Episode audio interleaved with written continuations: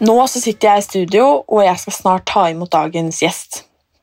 Jeg har kjent han i mange år, men jeg har ikke sett ham på lenge. Jeg har allikevel heia på ham fra sidelinja, siden jeg ble kjent med han. Gjennom oppturer, nedturer, beinharde treningsøkter, konkurranser, skader, gode prestasjoner, tårer, latter og spenstig påfunn. Og de, de har det vært mange av. Gjennom en sesong i bloggerne, og nylig i NRK-serien Hodet i klemme. Du har kanskje fått med deg hvem Felix er. Om ikke, så er Felix eh, bryter, beintøff, men også sårbar. Og det er nok kanskje ikke ordet sårbar de fleste ville beskrevet Felix som når de så han, eller når de ser han. Og jeg veit ikke om det er kanskje et ord han ville beskrevet seg selv med heller.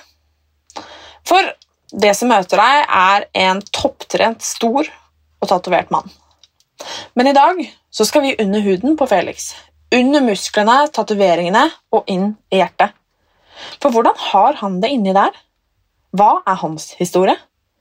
Jeg er spent på å se han igjen, og på at han skal være sykt ærlig om alt jeg lurer på. For mye har nemlig skjedd siden jeg traff han sist.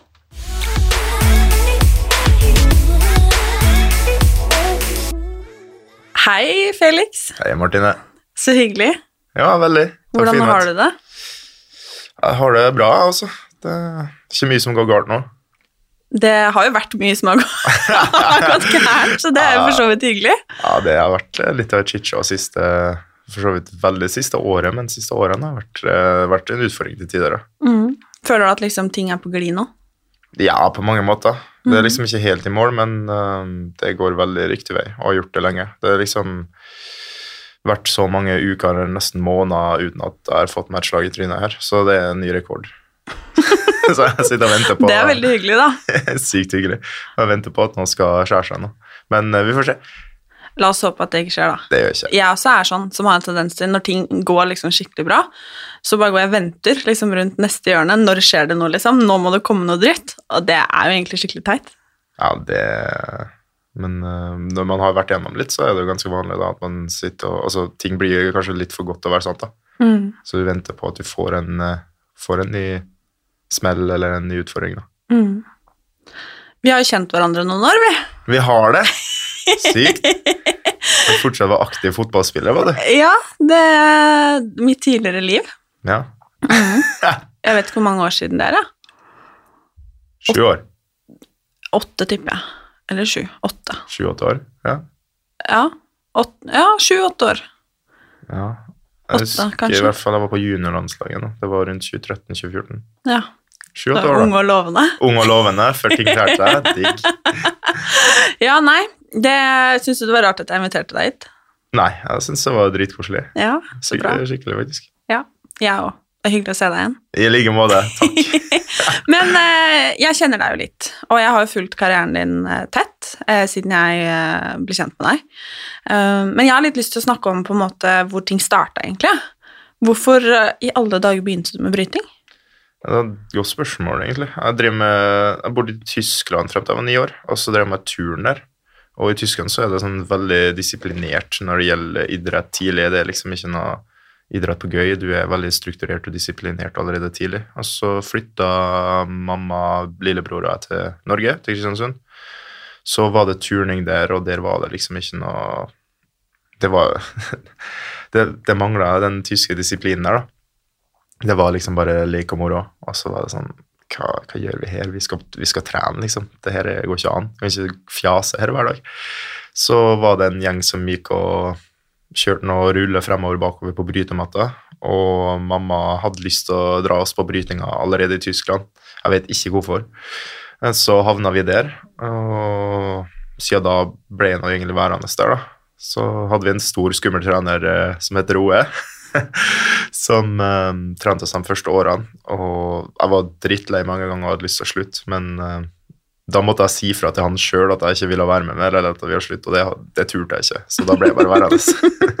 Så det var litt sånn skrekkblanda fryd? ja, det var egentlig det. Ja, for jeg må jo innrømme at eh, du har jo nylig vært aktuell med hodet i klemme, og eh, alle som har sett det, og på en måte fått et innblikk i liksom hvordan bryteverden fungerer, da, og treninga og alt dette her, det er jo ekstremt. Ja, det er, det er en hard hverdag, det er en tøff hverdag, og det er utrolig mye arbeid og, og slit som, som legges ned, og det er nesten det er en enorm fysisk belastning, men eh, den mentale og psykiske belastninga er nesten større. Mm. Så det er en sånn Man har nesten aldri noe overskudd eller energi til å gjøre noe greier ekstra.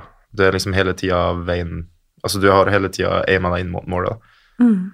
Men når var liksom Når bestemte du deg for at ok, dette er det jeg har lyst til å gjøre? Jeg har lyst til å bli best, liksom? Jeg tok en um, avgjørelse på det rett etter videregående, så når jeg var 18 år. Da hadde jeg tatt en uh, medalje på et junior-EM, sølv på et junior-EM, og så um, gikk det ikke like bra året etterpå. Selv om jeg trente likedan, så fikk jeg stå foran et veiskille da, om jeg skulle studere, ta utdanning, bli værende i Kristiansund med familien, eller om jeg hadde lyst til å bli verdens beste bryter. Så treneren min, eh, klubbtreneren min, Eren, han spurte meg um, har du lyst til å bli verdens beste bryter. Så sa jeg ja. Da må du pakke bagen din og flytte til Oslo og trene Fritz og landslaget. Så dagen etterpå så pakka jeg bagen og for, da. Så sto, sto jeg i lokalet til Fritz dagen etterpå, og så har det nå har han nå blitt værende der òg, egentlig. Hva var det som liksom frista deg med det? Var vel egentlig bare drømmen om å bli best. Det, det, var, det var det, altså. Det å, det å lykkes med det du, du har lagt så mye arbeid i, da.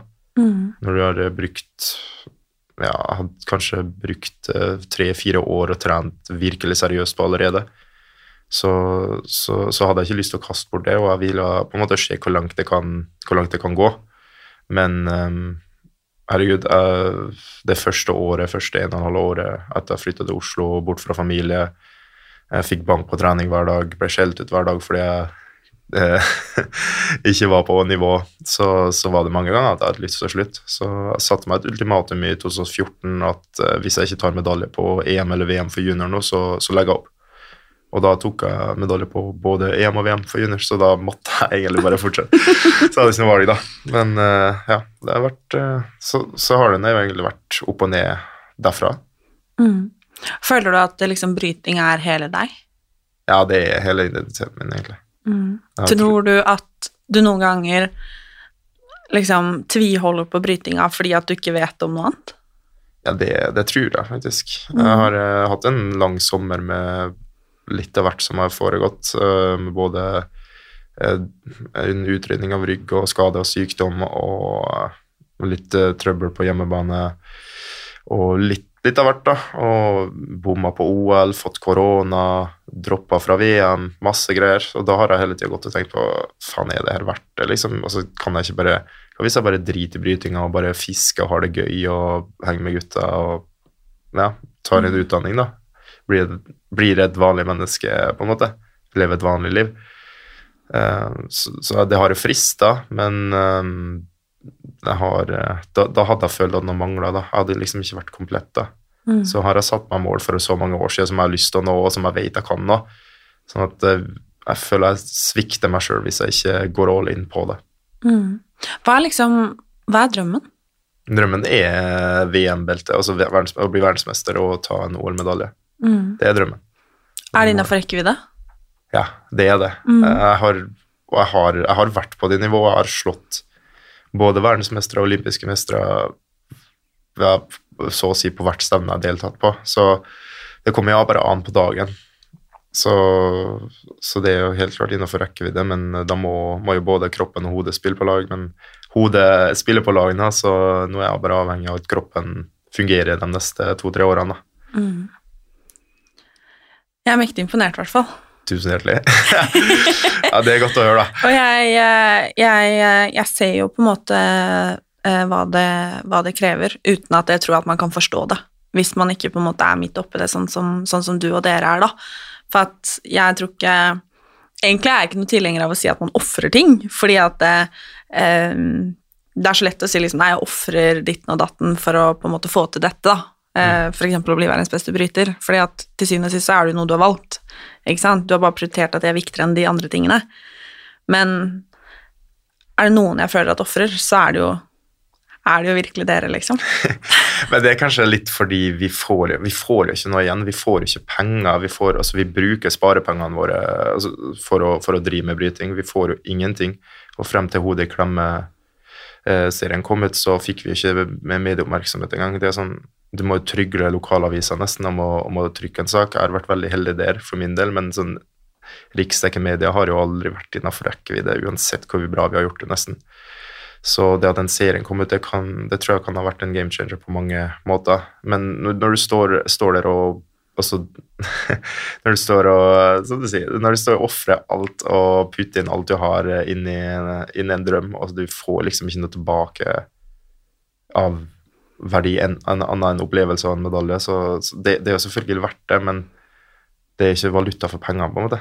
Mm, jeg skjønner. Men ok, du har lyst til å bli verdens beste. Ja. Eh, det er ganske ballsy å tørre å si det høyt. Det er stor respekt av. det gjør det, men jeg har alltid sagt det. Jeg har liksom sagt det selv om jeg gikk på videregående og var 15-16 år, så har det liksom vært det som har vært meg. Altså, jeg har lyst til å bli verdensmester. Og det, det gjorde jo at uh, jeg veldig tidlig ble stempla som cocky og litt sånn, da. Og at folk bare så på meg som en tulling. Fordi det, det, jo alltid, det er jo alltid litt sånn jantelov inne i bildet. Og da er det sånn Å snakke om sånne ting høyt i en liten by som Kristiansund, da er det sånn eh, tulling, altså. Så, men, men jeg lot det aldri gå inn på meg. Jeg har alltid fulgt drømmene mine. Og nå er det sånn når jeg ser tilbake på det nå, så er det sånn Det er bare jævla deilig å si hva det jeg sa. Mm. Når, jeg, når, jeg, er oppe her og når målene mine. Mm. Det er helt fantastisk. Nå er du eh, 27? Ja. Hvordan Ta liksom La oss gå til 35, da. Hvordan håper du at livet ditt ser ut da? Uh, ja. Jeg liker å ta mandagen først, egentlig, men mm, greit. Um, jeg vet det. Ja. men 35 år, da altså Hvordan er liksom drømmelivet ditt, da? Hvis du liksom, fordi du jobber jo så hardt for, for et eller annet, og én ting er jo liksom verdensmestertittelen, liksom, men, men hvordan håper du at livet ditt ser ut, da? Om ja, sju år, f.eks.? Jeg har jo altså jeg har jo lyst på familie og sånne ting etter hvert, òg, men, men, det er Jeg kan ikke tenke på det nå, det står i bakerste rekke, egentlig. Så drømmelivet er vel kanskje at om Hvor mange år er det til? Åtte år? Uh, Fem? Åtte år? Sju-åtte år? Ja. ja altså, jeg håper jeg er ferdig å bryte og har nådd målene mine. Men i en perfekt verden så har jeg VM-belte og en OL-medalje i medaljeskrinet og har eh, fått meg en bra utdanning og har en jobb jeg liker, som er givende, med enten bryting eller å hjelpe andre som er i samme situasjon som jeg har vært i, og trives med det. Har, har et hus i Møre og Romsdal med en båtbrygge, kan dra og fiske litt. Og så er jeg trener i den lokale bryteklubben. ja, men det er fint. Fin drøm. Så jo, du har ikke lyst til å bli i Oslo? Nei, jeg, eh, dessverre så er ikke Oslo helt min, eh, min kopp te. Altså. Det, jeg er pga. brytinga, og jeg syns Oslo har vært kult. Men uh, jeg har vært der i sju år, og så er jeg, jeg er glad i natur og glad i å fiske og gå tur. Så for meg så er det er det, det som står sterkest. Og så har jeg en veldig stor tilknytning til Kristiansund. Mm. Er det hjem, liksom? ja, det er på en måte hjem, selv om det er litt dumt å si, fordi hele familien min har flytta derfra. Så jeg har på en måte to hjem. Det er Tyskland, der hele familien min bor, og så er det Kristiansund. da. Selv om um, den, den, direkte familien min ikke bor der, så har jeg jo alle mine viktigste støttespillere og klubben min, da, som har vært som en familie for meg gjennom, gjennom hele karrieren. Og, mm. og, vennene mine, da, som har eh, alltid vært der. Du har jo på mange måter stått veldig alene i det her. Altså, det har jo vært litt Felix eh, mot verden. Um, og noen er jo heldige å ha liksom en kjempefamilie som liksom alltid kjører på trening og backer og støtter, liksom. Og, men du har, du har flytta hit. Du har vært uh, Det har vært altså mørkt og tungt nedi den uh, kjellerleiligheten iblant, liksom. Og jeg bare Hvordan har det vært?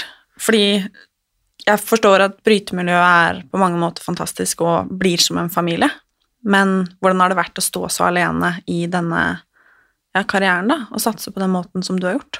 Det har vært eh, mørkt og tungt i perioder, det har det. Særlig de første årene at jeg flytta til Oslo, så har de vært eh, har vært vant til at eh, mamma har laga mat til meg, og maten har vært på bordet hver dag. Hun har måtte, gjort det hun kunne for at hverdagen min skal være enklest mulig. Og gå derfra til å vaske sine egne klær og lage sin egen mat. Så, det, det er jo én ting, men um, så skal du på trening og prestere, og du, du, kommer inn i en ny gruppe, i en ny by, du kjenner ingen. Og, og det som skjer på trening, er liksom at du får altså du får jo egentlig bare juling. Så du blir jo mentalt hele tida pressa lenger og lenger ned. Og når du ikke har noe som gir deg glede i hverdagen oppi det hele, og du er borte fra venner og familie, så er det veldig, veldig tøft. Mm. Um, eller hvis jeg har vært så heldig og fått bo med mange fantastiske mennesker mens jeg bodde der, mange av brytegutta. Uh, og det har jo Det tror jeg har redda alt, egentlig. Hadde jeg bodd alene og stått helt alene i det uten at de har vært med i samme situasjon, så tror jeg ikke det hadde nådd så langt som det har. Mm.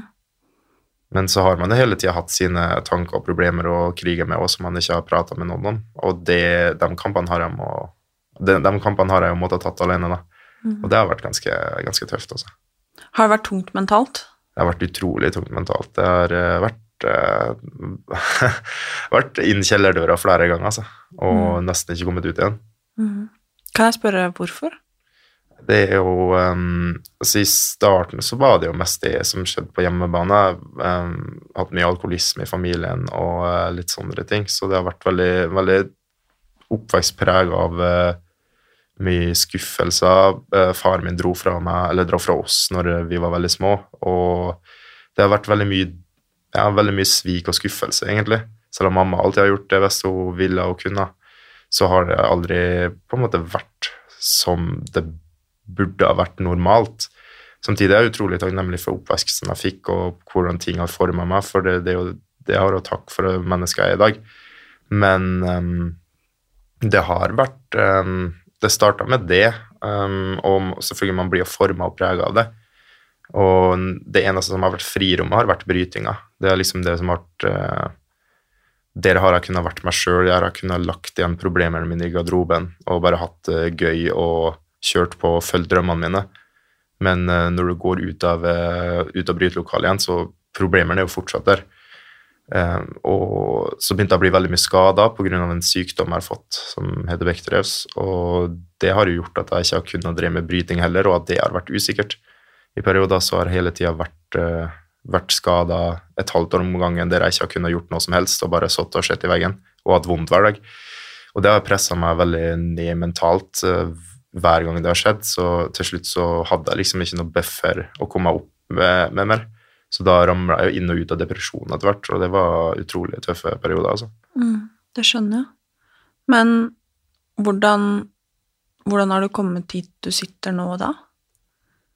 Det vet jeg egentlig ikke. Det er vel Jeg tror den jeg tror vel egentlig drømmen om å bli verdens beste bryter bare lever veldig sterkt i meg. Og, det, og brytinga har på en måte lært meg å takle tøffe problemer og utfordringer.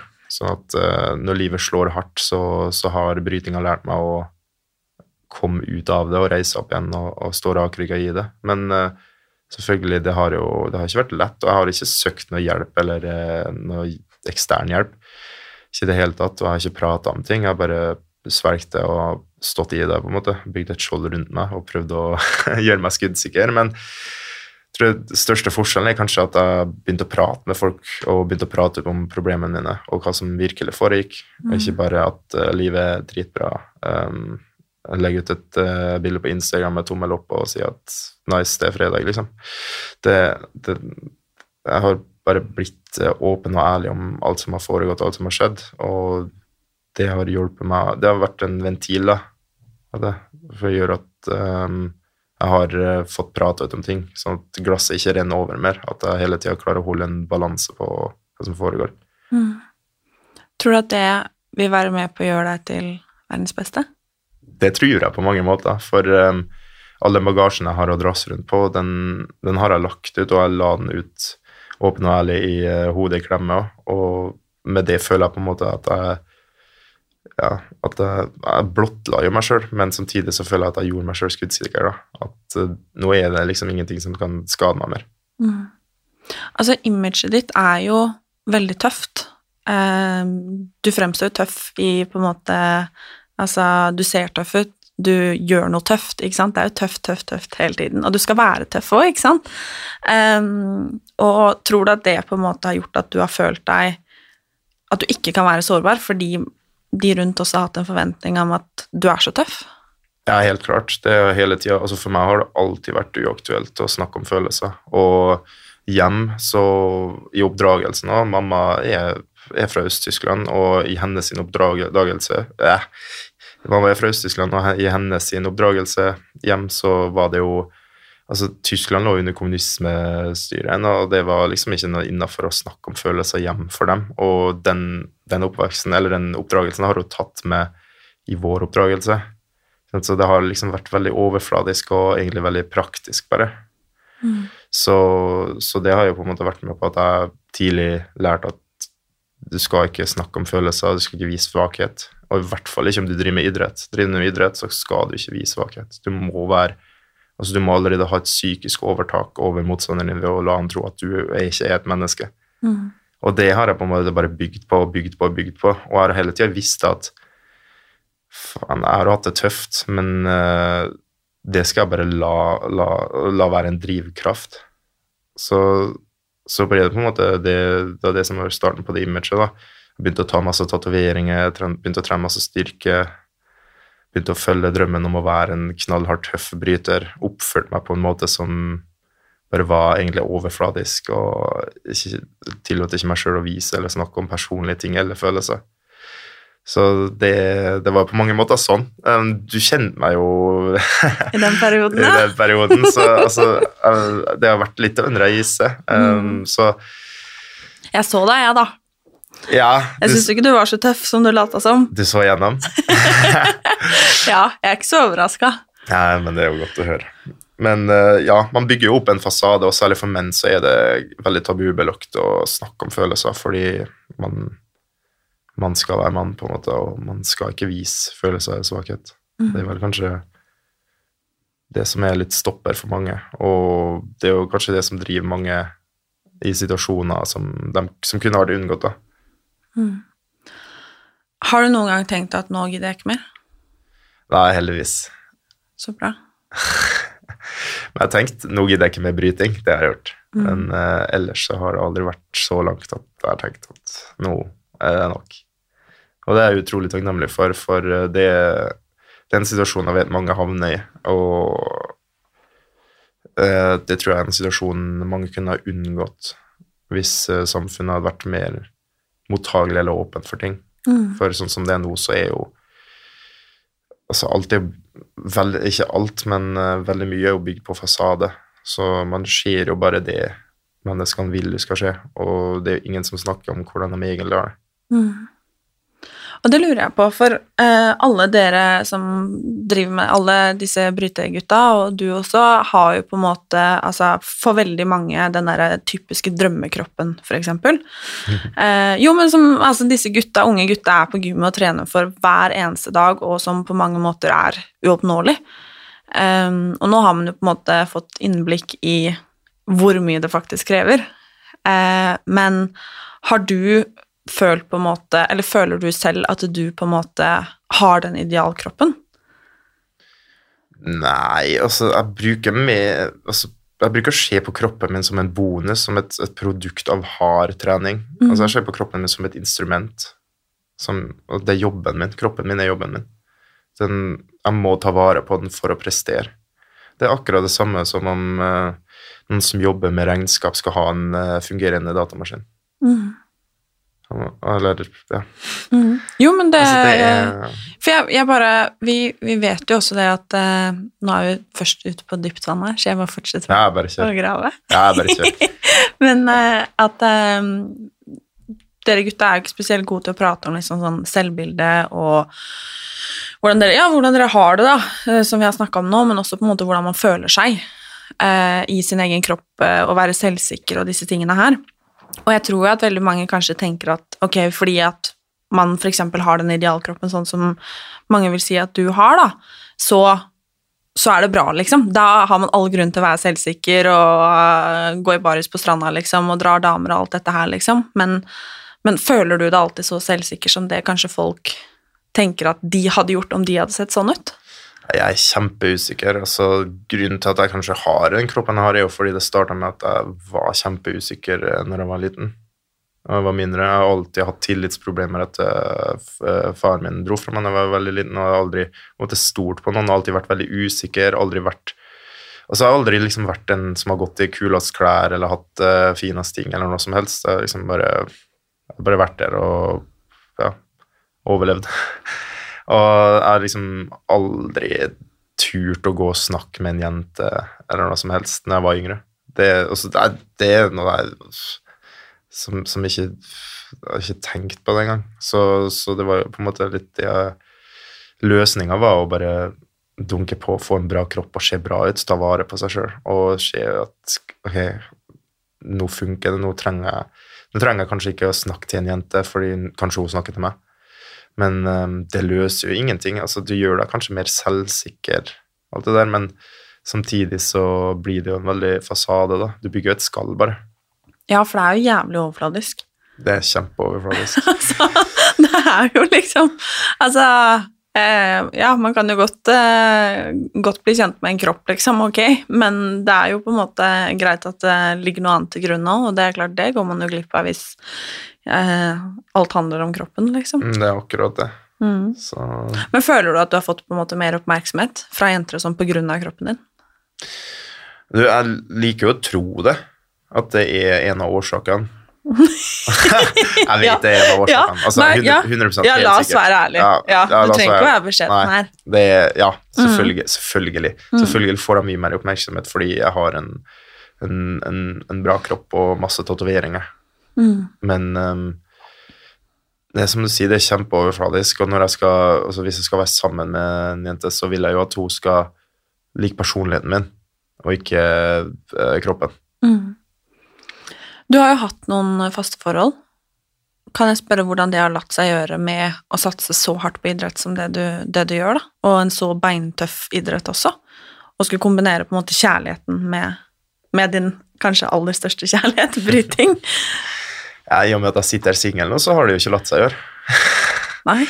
Så um, jeg selvfølgelig har hatt to forhold som har vært ganske langvarige. og Det første var jo, da var jeg ganske ung og gikk på videregående ennå, så flytta jeg til Oslo for å følge brytedrømmen, og da, da gikk det ikke mer. ikke sant, Da skjærte det seg.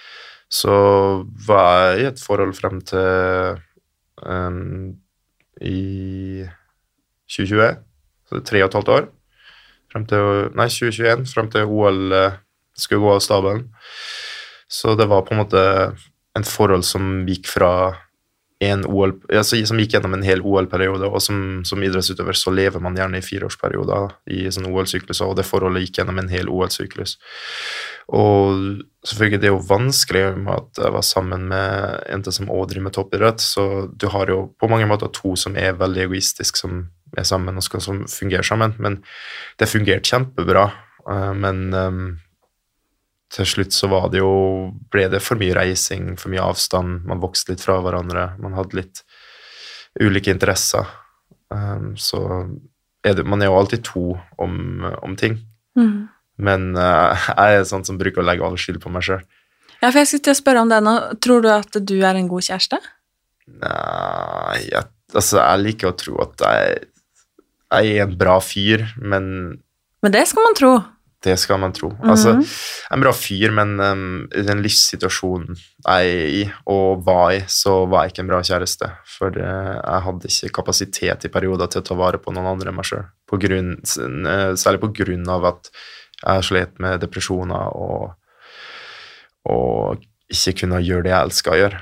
Så jeg var på mange, mange tidspunkt ikke hyggelig å ha med å gjøre, fordi jeg bare lå og så i taket og var deprimert. Og det tar jo energien bort fra eh, den personen du er sammen med òg. Så det Ja, da, da blir det ikke lett. Så jeg forstår jo det.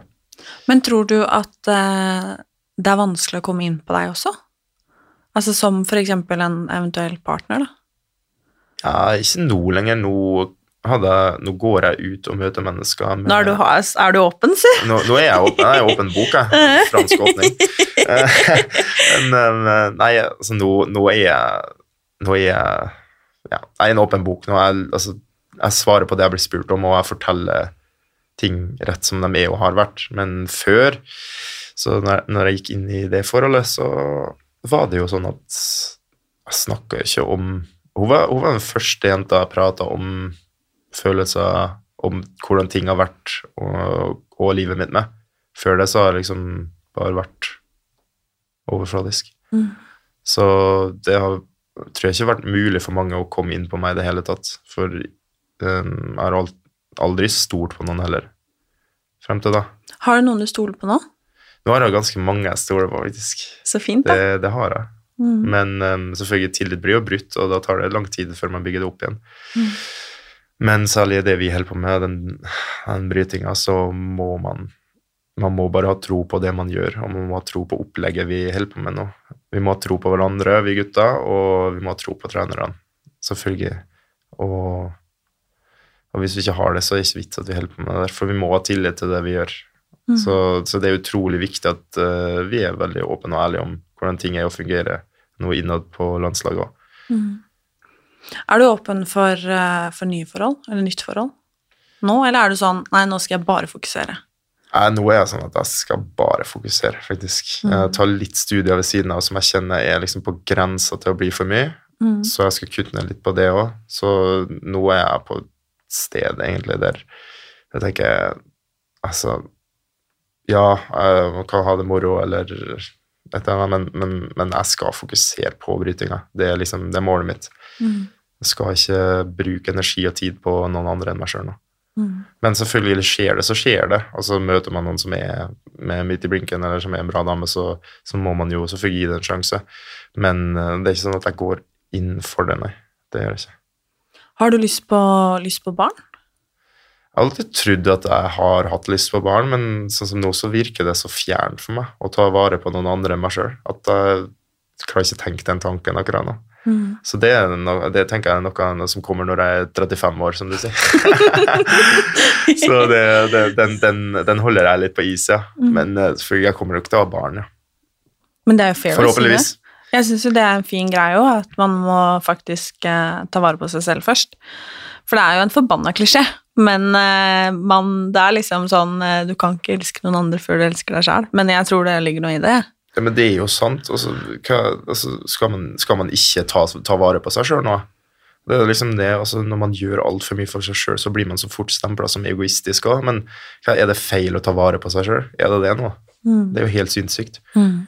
Så man må jo det, man må jo sette seg sjøl foran. fordi altså selvfølgelig man, man kan gjøre ting for andre og, og hjelpe andre, men det er noe helt annet. Men sånn generelt så må man jo ta vare på seg sjøl, og, så- og så kan du ta det derfra. Det er en grunn til at man må ta på seg sin egen sånn redningsvest eh, først, hvis flyet flyet skal styrt i vannet, holdt jeg på å si. Jeg tenkte akkurat å si det, men jeg tenkte å bruke den maska som eksempel. Ja. Ta på din egen maske først, Ja, før hjelper andre. det er jo en grunn til det.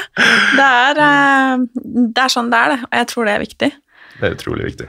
Men eh, vi må snakke litt om bryting. Altså sånn, eh, jeg er eh, veldig fascinert over hvor mye det, mye det krever, og hvor mye dere faktisk trener, og hvor sinnssykt beintøft det ser ut. Og det jeg først og fremst lurer på, er er det så tøft som det ser ut?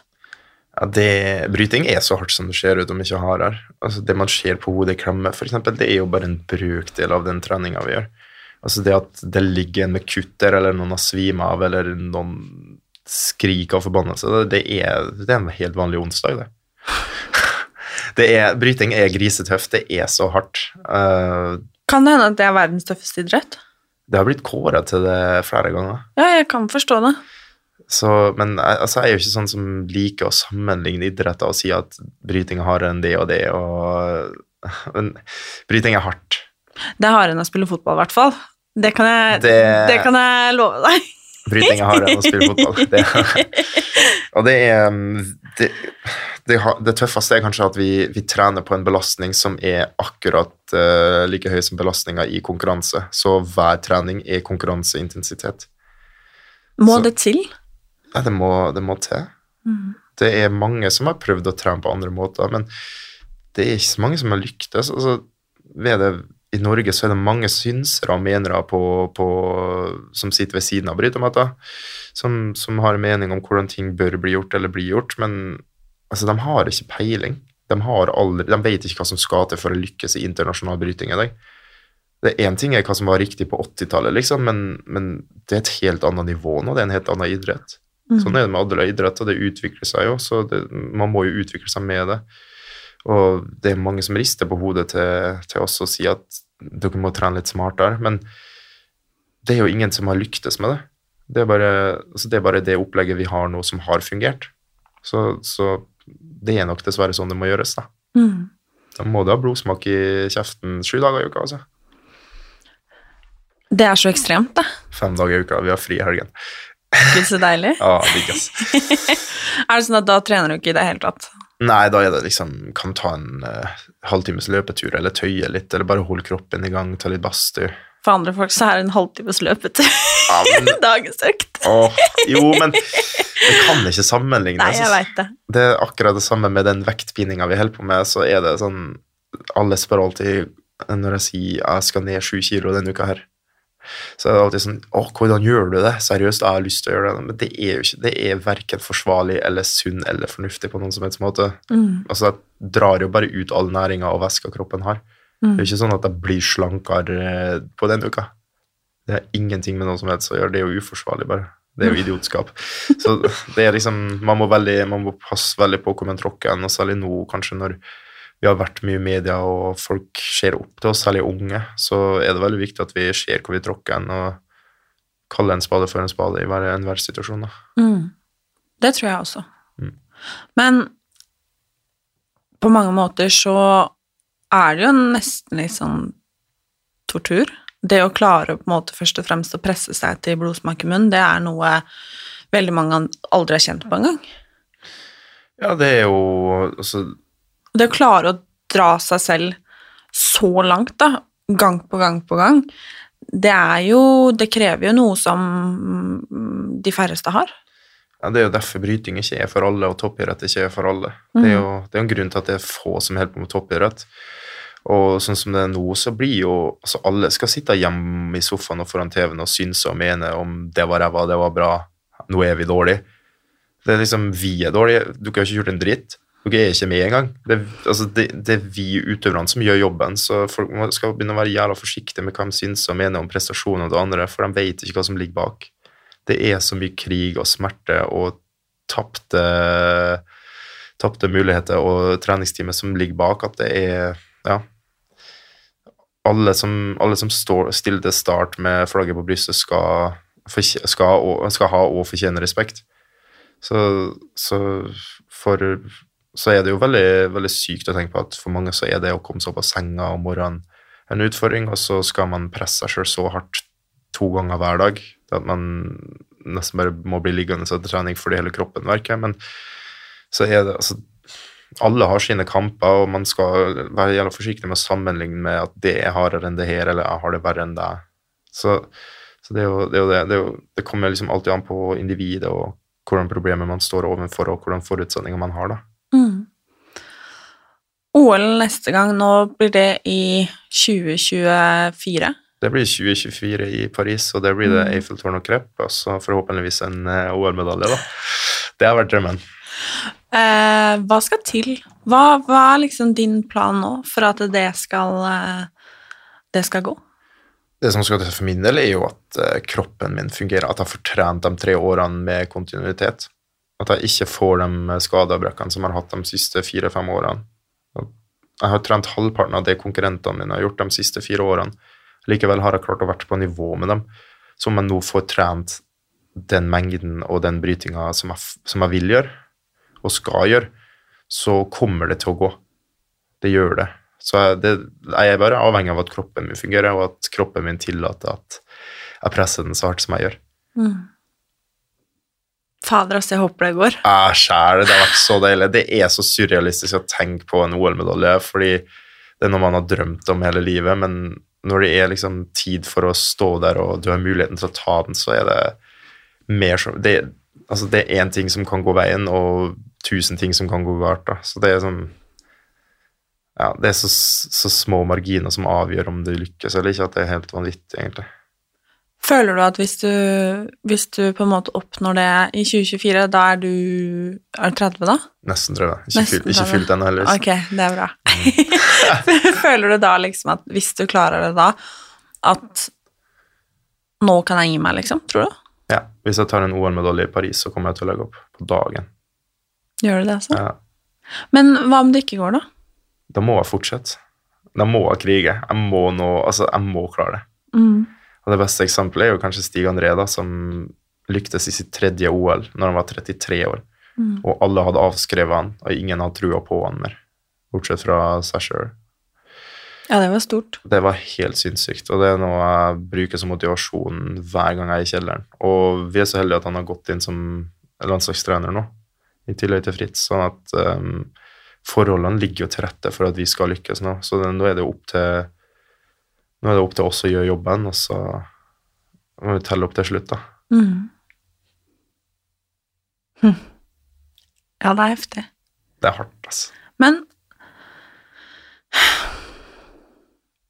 Altså Når du da Si da du klarer å ta medalje i eh, OL, som jeg håper, det er målet, Det må det. i 2024. Hva skal du gjøre da? Når du legger opp på dagen? Det er lett å si at man legger på dagen, liksom, men, -hmm. men men, når man står i det, så blir det kanskje noe annet, da. Men jeg har Åh, jeg, har hatt, jeg har hatt så mye vondt, og jeg har ligget i mye drittsenger i drittland med drittmat og drittfolk som har prøvd å banke meg opp hver trening. Jeg er så, altså, Av og til så har jeg vært så lei at jeg har bare lyst til å mm, ikke stå opp og dra på trening eh, den dagen, fordi alder er var. Og det er sånn, Jeg må minne meg selv på det at nå har jeg altså, jeg kriga meg gjennom alt det der. Så når jeg når målet nå, da, da er det nok, ass. Da, er det liksom, da har jeg gjort det verdt det.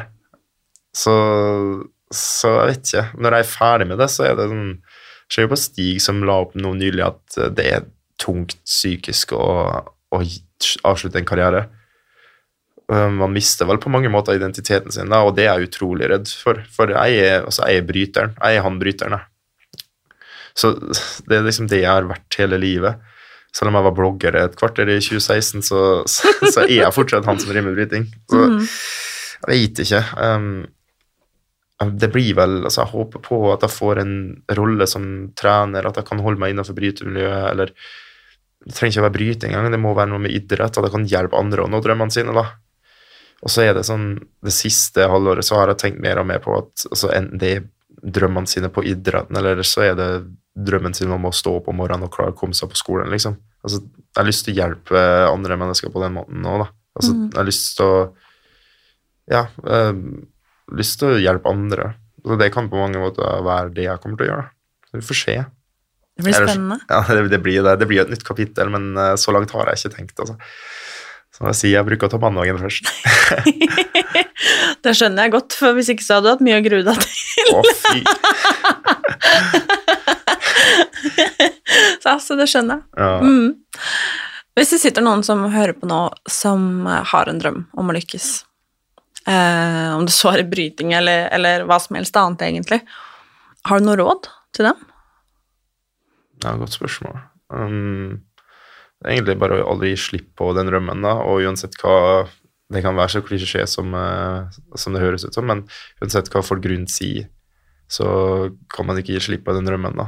For til syvende og sist er det opp til deg sjøl å, å gjøre det og gjennomføre det. Mm. Det er ikke alle andre som står rundt som syns og mener, som, som skal gjennomføre det, er du sjøl. Og det, det må man være veldig flink til å huske på. Så er min eh, sånn personlige anbefaling er egentlig å skrive ned ting av og til. Altså hvis du har eh, noen ting du har lyst til å minne deg på sjøl, så skriv dem ned. Og så har du bare en lapp i lomma med det. Du trenger ikke å se på engang, du trenger bare vite at det er der. Det er derfor jeg har tatovert veldig mye tekst eh, enkelte plasser, og det er liksom Jeg leser det aldri, men jeg vet at det er der. Og det gir meg på en eller annen måte litt styrke til å gjennomføre det. Jeg heier i hvert fall eh, helt sjukt på deg, og Takk. jeg eh, er spent allerede på neste medaljemulighet. Jeg håper at det blir, blir som du håper og jobber for. Takk for det. Det blir, blir EM i slutten av mars, så, så jeg håper at det går veien. Mm. Jeg heier i hvert fall, og det vet du. Takk. Ja, det vet jeg. Det satte jeg jævlig pris på. Faen. Men uh, tusen takk for at du ville komme. Det var skikkelig fint. Ja, og takk for uh, invitasjonen. Veldig, veldig hyggelig, Felix. Og masse lykke til! Takk.